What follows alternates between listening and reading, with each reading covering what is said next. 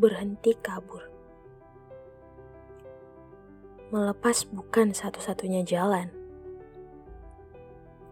Pintar-pintarlah merawat. Yang patah tak lantas layak ditinggalkan. Juang bukan soal lari ke sana kemari.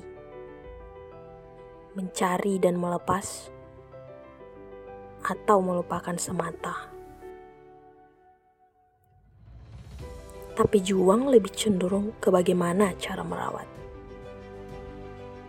Mereka merawat jarak, merawat rasa, merawat rindu, merawat patah karena semua perlu tumbuh. Namun bila akhirnya tetap patah, biarkan patah. Tetaplah rawat hingga ia memilih cara berseminya. Dan pada akhirnya mulai tumbuh kembali. Teruslah belajar bersama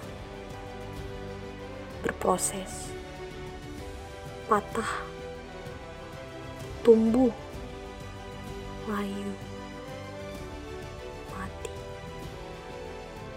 dan lapuk meninggalkan saripati bagi tumbuh yang baru. Kau tak akan pernah menjadi sia-sia.